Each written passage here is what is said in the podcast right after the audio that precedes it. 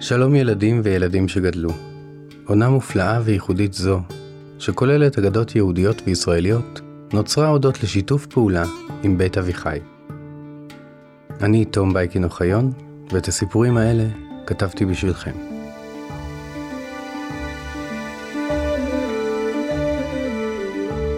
יש אנשים גדולים ומפורסמים, שלמרות שחיו לפני שנים רבות, נדמה שכולם מכירים אותם, או לפחות את שמם. אנחנו יודעים שאלו אנשים חשובים, אך מה שרובנו לא יודעים הוא שדווקא אנשים גדולים כאלו פעמים רבות נאלצו להתווכח ולהיאבק כמעט כל חייהם. היו למשל ציירים מפורסמים שהיום הציורים שלהם נמכרים במיליוני שקלים, ובחייהם הם בכלל קיבצו נדבות. היו אנשי רוח שהיום כולם קוראים בספריהם, אבל פעם בכלל שרפו את אותם ספרים. החיים מלאים אתגרים, ולא קל לפשר בין דעות שונות. בטח לא להחליט בסוף מה נכון ומי צודק. ההגדה שלנו היום מלאה בספרים. מכתבים ואיגרות, פרשנויות, חוקים, רעיונות ועצות שכולם נכתבו על ידי אדם אחד. אי שם, בדרום ספרד, החל את מסעו אדם שכתב וכתב. כל אתגר שפגש לימד אותו משהו חדש, ולכן הוא כתב, כדי שכולם ילמדו מכך גם. אדם ששמו הולך לפניו, אבל מה שהולך אותו הוא דווקא כל התבונה. קראו לו הרב משה בן מימון.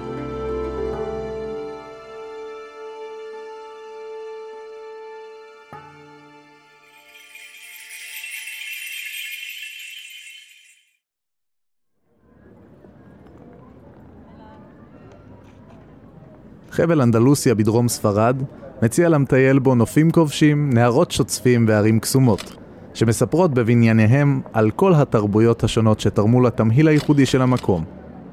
ניתן למצוא שם הריסות פיניקיות ורומאיות, זיכרונות רחוקים של שבטי הוונדלים והוויזיגותים שקבעו שם את מקומם, ארמונות של אצילים מוסלמים, כנסיות מפוארות, חדשות ועתיקות, ובתי כנסת שחלקם מלאי חיים וחלקם נטושים עד היום. שם, בחצי הראשון של המאה ה-12, בעיר קורדובה, נולד משה בן מימון. נצר לשושלת ארוכה של דיינים חכמים.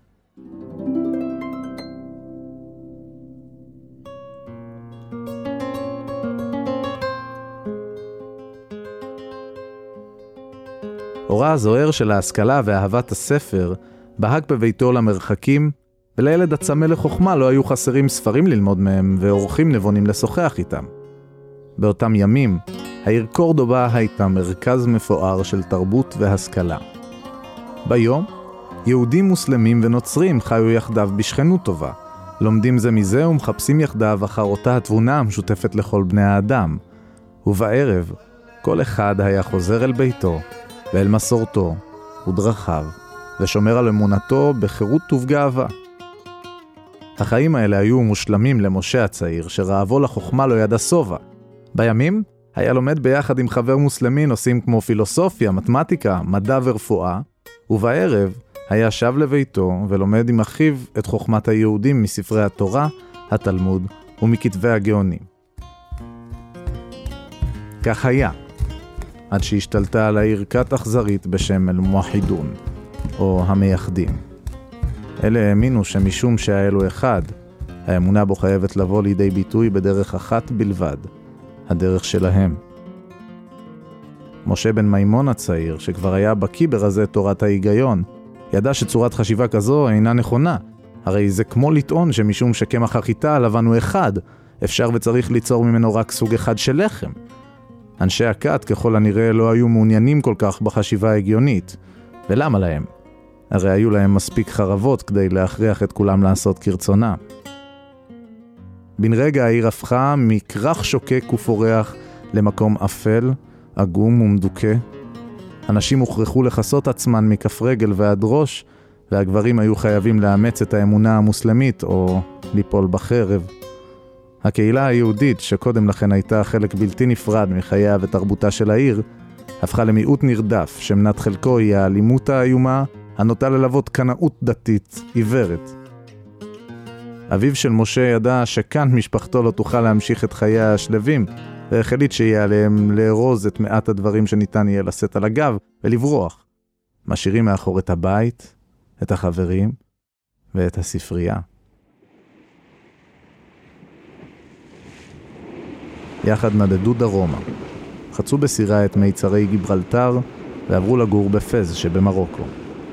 שם, הודות לבית הלימוד המפורסם שהקימה פטימה אל-פירי 400 שנה לפני כן, עדיין היה כבוד והערכה להשכלה ולימוד. חכמי העיר התפלאו מאוד מחוכמתו של הילד הצעיר, והזמינו אותו בזרועות פתוחות להצטרף לספסל לימודם, אבל הוא סירב בשתיקה. חזר לביתו החדש ופרץ בבכי. מה לך שכך עיניך זולגות? שאל אותו אחיו הגדול דוד. הרי ניצלנו מהגזרות הרעות של קורדובה, וכאן נוכל לחיות בשלווה ולשקם את חיינו. משה ניגב את דמעותיו, והסביר שהוא בוכה משום שהון משפחתם נשאר מאחור, ושעתה אביו לא יהיה מסוגל לכלכל את כל המשפחה לבדו.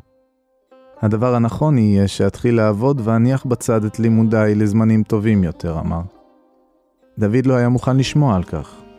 הוא ידע עד כמה נדיר כישרונו של אחיו ללימודים, ולא היה מוכן לשבת מנגד ולראותו מוותר על עתידו למען ההווה. אעשה איתך עסקה, אמר דוד. אני אצא לעבוד, וארוויח מספיק בשביל שנינו, ואתה תחזור ללימודים ותשקיע בהם כאילו אתה לומד בשביל שנינו. שוב נצצו דמעות בעיניו של משה הצעיר. הפעם דמעות של אהבה לאחיו. שיהיה מוכן כך לשאת על גבו את נטל הפרנסה, ולו רק כדי שהוא יוכל להמשיך בלימודיו. אני מקבל את העסקה, השיב לו משה, ונשבע בליבו שלא רק שיקדיש את חייו ללימוד, אלא גם ידאג להעביר את לימודיו הלאה לכולם. הוא החליט שכל נושא שילמד הוא יסכם בצורה בהירה, כך שאחיו וכל אחד אחר יוכל ללמוד אותו בקלות. השניים ניגשו בחדווה לעבודה. אביהם הביט בהם בגאווה בזמן שהאחד הפך סוחר מצליח, והשני תלמיד חכמים מהמעלה הראשונה. כשהיה בן 16, פרסם משה את ספרו הראשון, מילות היגיון. בספרון זה ריכז בצורה בהירה את חוקי השפה והטיעון. כיצד נכון להגדיר מושגים, ומהי המשמעות של היחסים ביניהם. אם נרצה להתקדם משפת החרב לשפת החוכמה, האמין, חשוב שנסכים על שפה מדעית שתהיה משותפת לכולנו. קצת אחרי כן, פרסם ספר נוסף על חוקי הכוכבים, האסטרונומיה, בו סיכם את המחקר בנושא מאריסטו ותלמי ועד לאל חסן. בזכות סגנונו הנהיר והצלול ועינו החדה, ספריו זכו לתפוצה רחבה. אבל אפילו ספרים מדעיים מוצאים לפעמים מתנגדים. רבנים שונים מהקהילה היהודית כעסו על כך שמשה מתבסס בספריו על תורתם של גויים. הם שאלו, מה רע בתורה שלנו, שאתה רואה בשדות זרים? אבל משה לא היה מוכן לקבל זאת בשתיקה. ברגע שאנו ניצבים מול הוכחה ברורה, עלינו לקבל את מסקנותיה, ואין זה משנה מי הביאה לפנינו. בין אם הגיע מחכם יהודי או עובד אלילים יווני, יש לקבל את האמת ממי שאמרה. לרגע דומה היה שהחיים בפז יכולים להיות טובים עבור משפחת בן מימון. אבל כוחה של קאטה מואחידון הארורה התחזק, ובסופו של דבר הם כבשו גם את מרוקו, טוניס ואלג'יר, ואיתם גזרות השמד הנוראיות פשטו בארץ. כל מי שרצה לחיות ולעבוד בממלכתם היה חייב להישבע אמונים לאסלאם ולחיות כמוסלמי. הקהילה היהודית הייתה קרועה. הם רצו לברוח, אבל לאן? למרות גילו הצעיר, משה כבר נחשב משכיל גדול, ועסקיו של אחיו כבר החלו להניב פירות. כדי לא לוותר על כל הישגיהם ולחיות שוב כנוודים ומהגרים, החליטו השניים לקבל על עצמם את הגזרות ולחיות כאנוסים, יהודים אשר נאלצו להסתיר את דתם ולחיות כגויים. ביום הלכו ברחוב כמוסלמים, נושאים על שפתיהם את תפילות הקוראן ופוקדים את המסגדים. ובלילה, מאחורי הדלת הסגורה של ביתם, שבו בסתר למסורת היהודית. ממרחק, קשה לראות את ההקרבה הקשה שהחלטה כזו מכילה בתוכה. ואכן, ברגע שהשמועה נישאה מזרחה וקהילות יהודיות שמעו שבצפון אפריקה ובספרד ישנם יהודים המתפללים במסגד, מיהרו מנהיגי הקהילות האלה לפרסם גינויים חריפים לקהילת האנוסים. אלה גינו אותם, וטענו שהאנוסים, בהולכם לדרך העבודה הזרה, כרתו את ענפם מעץ היהדות. לפי הרבנים ההם, הדרך היחידה להישאר יהודי טוב במצב נורא זה, היא למות על קידוש השם. כשהדברים האלה הגיעו למשה בן מימון, הוא זעם מאוד. איך הרבנים האלה, החיים את חייהם הרחק בשלווה וביטחון, מעזים לבקר את הקהילה שלו? הרי הם לא יודעים מה קשים החיים תחת שלטון של שנאה ובורות.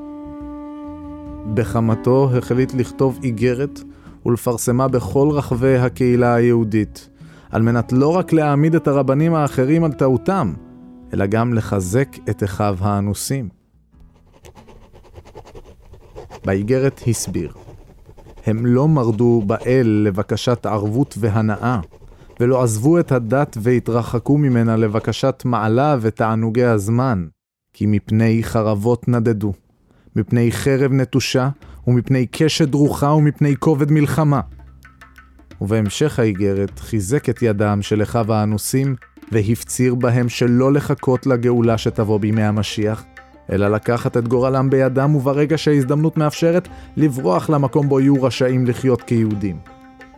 האיגרת נשלחה לכל קצוות העולם היהודי, ומשה בן מימון הפך לאחד ההוגים היהודים המוכרים והמכובדים בעולם.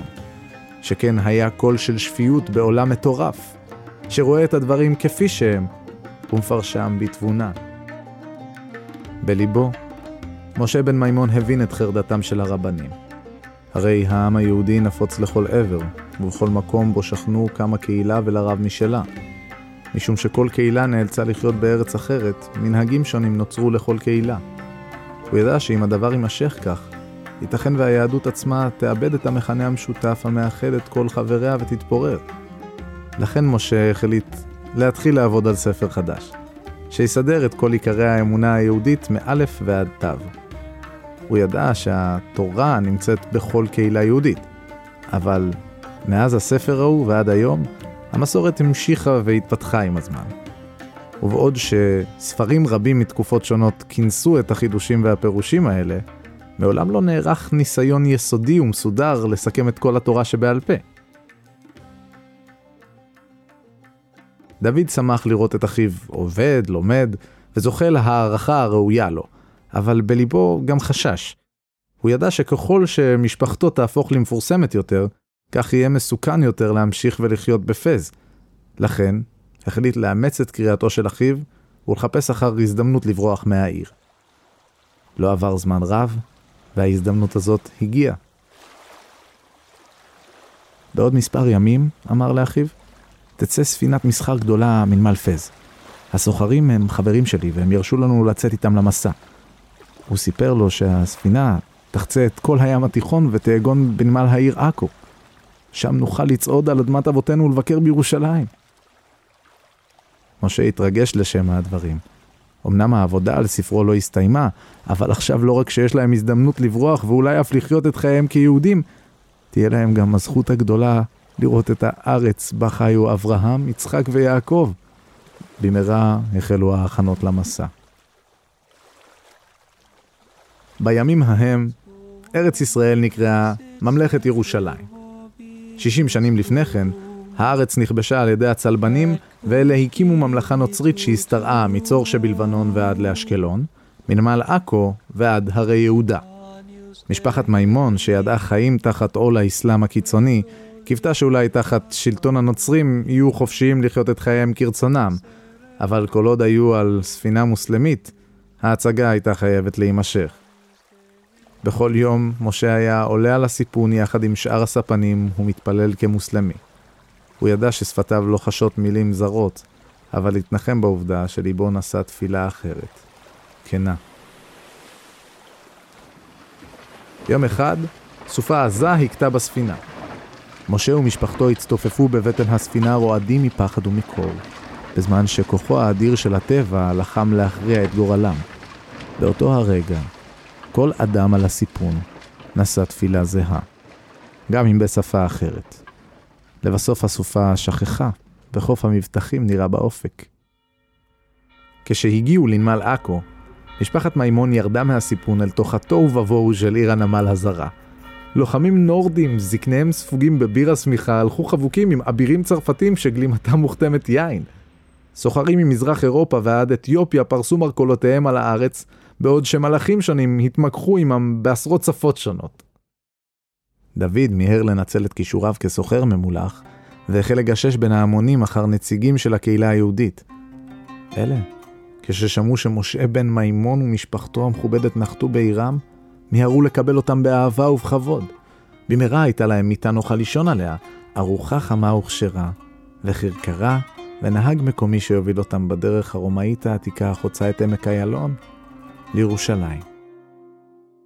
ניצוץ התקווה שהחיים תחת שלטון הצלבנים יהיו טובים יותר קבע, כשגילו שהצלבנים סגרו את חומות העיר ירושלים, ושהכניסה אליה אסורה ליהודים ולמוסלמים כאחד. שוב נאלצו משה ומשפחתו להסתיר את זהותם, ולפלוש כגנבים באישון לילה למקום שהיה אמור להיות להם לבית. אחרי שני לילות בהם זכו להתפלל בירושלים, שמו פעמיהם הלאה לחברון. שם ביקרו במערת המכפלה ופגשו בנציגי הקהילה. החוויה הזו, לראות במו עיניך שרידים מעולם שעד כה היה קיים רק בספרים ובלב, קושרת אדם ואדמה. משה החליט לקבוע את אותו יום בליבו ולחגוג בכל שנה מחדש את היום שבו זכה לראות את מערת המכפלה. במכתב בו סיפר בהתרגשות על הביקור בארץ אבותיו, משה סיים בתפילה. כשם שזכיתי וראיתי בחורבנה, כך אזכה אני וכל ישראל לראות בנחמתה. אמן. אבל עתה לא היה זמן לנחמה. משה ומשפחתו ראו שכשם שלא יהיו יכולים לחיות תחת שלטון האסלאם, החיים תחת שלטון הנוצרים יהיו גרועים באותה המידה. לכן, אחרי שהות של חמישה חודשים, המשיכו את מסעם דרומה למצרים והשתקעו בעיר פוסטת. לא רחוק מהבירה קהיר, בה שלטה השושלת האיובית. שושלת כורדית קטנה, אותה הפך המצביא הדגול סלאח א-דין לאימפריה. האיובים לא האמינו בכפיית דתם על אדמתם, כי ידעו שכל עוד האנשים חופשיים לחיות את מסורותיהם השונות, נאמנותם לשליטים תהיה חזקה יותר. היהודים במצרים אמנם לא נהנו מחיים של אזרחים שווי זכויות לשכניהם המוסלמים, אך הותר להם לעסוק במלאכתם, להתפלל בדרכם ולהתקדם בתפקידם כל הדרך עד לחצרו של המלך. בפוסטת משה ומשפחתו מצאו סוף סוף מקום בו יוכלו לנצל את כישוריהם ולשגשג. דוד הפך לסוחר מצליח של אבני חן, וספינותיו שטו על כל שבעת הימים, ומשה היה לרב ומנהיג בקהילת היהודים. הוא הקים משפחה ואף סיים את ספרו פירוש המשנה, שזכה לתפוצה רחבה ונחשב עד היום כאחד מאבני היסוד של המחשבה היהודית. כשהיה בכך צורך, אף קיבל על עצמו את תפקיד ראש הקהילה היהודית, כדי לשמור על כוחה של קהילתו בעיתות של שינוי ומשבר. אבל ברגע שהצורך בכך שכח, מיהר לשוב אל ביתו, אל לימודיו, ספריו, מחקריו וחבריו. חבריו שאלו אותו מדוע הוא עוזב עושר וכבוד בשביל חיים בין ספרים ומחקרים. הוא השיב להם, תארים כמו ראיס או גאון או נשיא אינם בעלי משמעות. אנו עוסקים בעניינים של מהות ואמת. אם הקטן שבתלמידיי יוכיח לי שאני טועה, אשמח לתקן את שגיאתי ולא אתייחס למעמדו. בזמן מה דומה היה שהנה סוף סוף השקט המיוחל הגיע, אבל הגורל רצה אחרת. דוד, אחיו האהוב של משה, יצא לעוד אחד ממסעות המסחר המשגשגים שלו, הפעם באוקיינוס ההודי. כשסופה אספה את ספינתו לקרביה, והוא עבד ביחד עם אנשיו. שנה שלמה ישב משה אבל בביתו, אבל החיים, יש להם דרך לדחוק באדם לשוב למסלולו. עד כה היה זה דוד שדאג לפרנסת המשפחה ושחרר את משה ללימודיו, אבל עתה יהיה עליו לדאוג לכלכלת ביתו. מקץ השנה קם משה ככל אדם והחל לעבוד. שנות המחקר הארוכות אותן הקדיש למדעי גוף האדם, הכימיה והרפואה, הפכו אותו במהרה לרופא הטוב ביותר בכל מצרים. הוא הפך במהרה מרופא הקהילה היהודית לרופאו האישי של מלך מצרים ושל אנשי חצרו. בבקרים היה יוצא אל חצר המלך ודואג לרפואת האצילים, ובערבים היה שב לביתו ודואג לרווחת קהילתו. לעתים עבד שעות כה רבות שאחרוני החולים ביקרו אותו בעודו שוכב במיטתו לפני שנרדם. אולי זה יישמע מוזר, אבל אפילו לכך שאדם מכובד עמל יומם וליל לפרנסת משפחתו, יכולים לקום מתנגדים. רבנים שונים שמעו על כך שהרב הגדול משה בן מימון עובד למחייתו כאחד האדם וגינו אותו שתורתו אינה כל עבודתו. מלאכתנו היא התורה הקדושה, טענו. לנו אין צורך בכספי זרים. משה שמע את הדברים האלה וחייך. בניגוד לעבר, אתה היה כבר מבוגר ולמד לשלוט בכעסו. מה הטעם בפולמוסים מיותרים? שאל את עצמו. אין דבר שהרבנים האלה יודעים טוב יותר מאשר להתווכח, והרי קל להם להתווכח. שכן מסורת ההלכה היהודית כה ארוכה ומסועפת, שלכל פסיקה יש פרשנויות ותקדימים רבים, עד שתמיד ניתן למצוא בכתובים פסוק שיחזק את עמדותיהם. יהיו אשר יהיו. לכן, במקום להתווכח על צדקת דרכו, משה החליט לשוב לכתיבה ולעבוד על ספר חדש. ספר שיציע פסיקה סופית ברורה ומנומקת לכל חלק ממעגל החיים היהודי. מהרגע שבו היהודי פוקח את עיניו בבוקר ועד שיעצום אותן עם ערב, מלידה ועד מוות, מיום חול לשבת וחגים.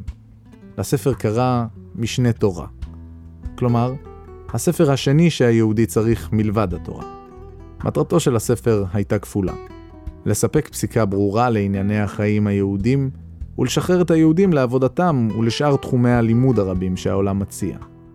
שכן, משה האמין שחיים שלמים של אדם מורכבים מעבודה ומלימוד, מתורה וממדע, מקודש ומחול. ואסור לו ליהודי להסתמך על צדקה ונדבה למחייתו, אפילו אם הוא רב גדול. כשהושלם, היה זה הספר המקיף ביותר שנכתב אי פעם על דרך החיים של היהודים. הספר השלם, על 14 הכרכים שלו, והפסיקה הברורה שבו, זכה לכינוי היד החזקה. אבל הרמב"ם לא הסתפק בזאת. הוא ידע שיש כאלה הפונים ללימודי הפילוסופיה והמדע, ובמהרה מוצאים את עצמם במבוכה נוכח המקומות בהם הפילוסופיה והמדע אינם מתיישבים עם המסורת והתורה. לכן החליט לכתוב חיבור נוסף. הפעם, ספר פילוסופי בשם מורה הנבוכים. בספר זה הרמב"ם הציג את כל המחלוקות הפילוסופיות העומדות בין האמת של התורה, החוכמה של הפילוסופיה היוונית והמדע של זמנו. עד היום ספר זה מוכר כאחד הפסגות הגבוהות של הפילוסופיה בימי הביניים, והוא נלמד בכיתות האוניברסיטה כשם שמשנה התורה שלו עדיין נלמד בין כותלי חדרי הישיבה.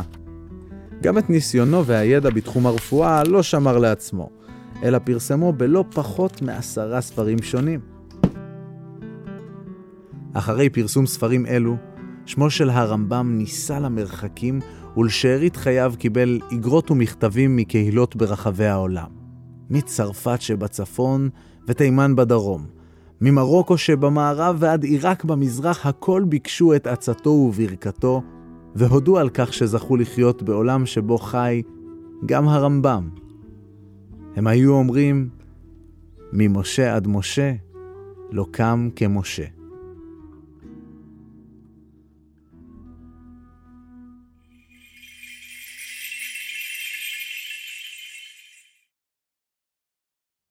יש פרט אחד קטן שלא סיפרנו לכם.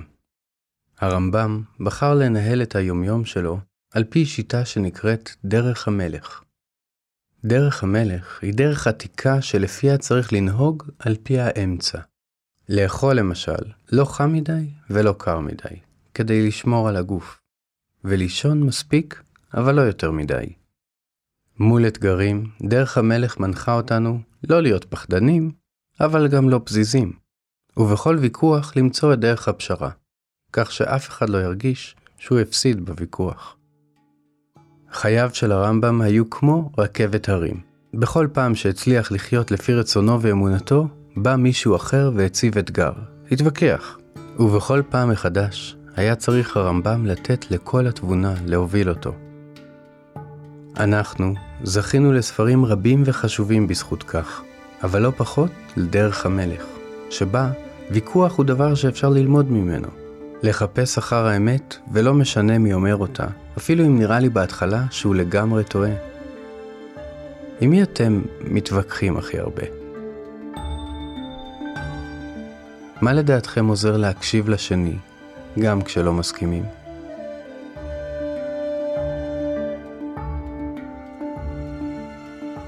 מלבד האגדה הזו, עוד אגדות שהיו באמת תוכלו למצוא בפודקאסט שלנו. נשמח אם תתמכו בנו בדף הפטריון שלנו. התומכים יזכו לתכנים בלעדיים, הנחות לספרי הוצאת פנק, ואפילו לשמוע אגדות אמיתיות חדשות שלא תוכלו למצוא כאן. הקישור מופיע בתיאור הפרק, כמו גם הקישור לרכישת הספר. הפודקאסט נולד ונערך ברשת הפודקאסטים העצמאית שלג. את ההגדה הזו קרא עבורכם אלעד משה, הפיקה יסמין שפט, ערכה תות שגיא וביים עמרי בן דור. אני תום בייקין אוחיון. ואם רק תסתכלו טוב טוב, תראו שכל אחת ואחד מכם הוא כבר גיבור של אגדה.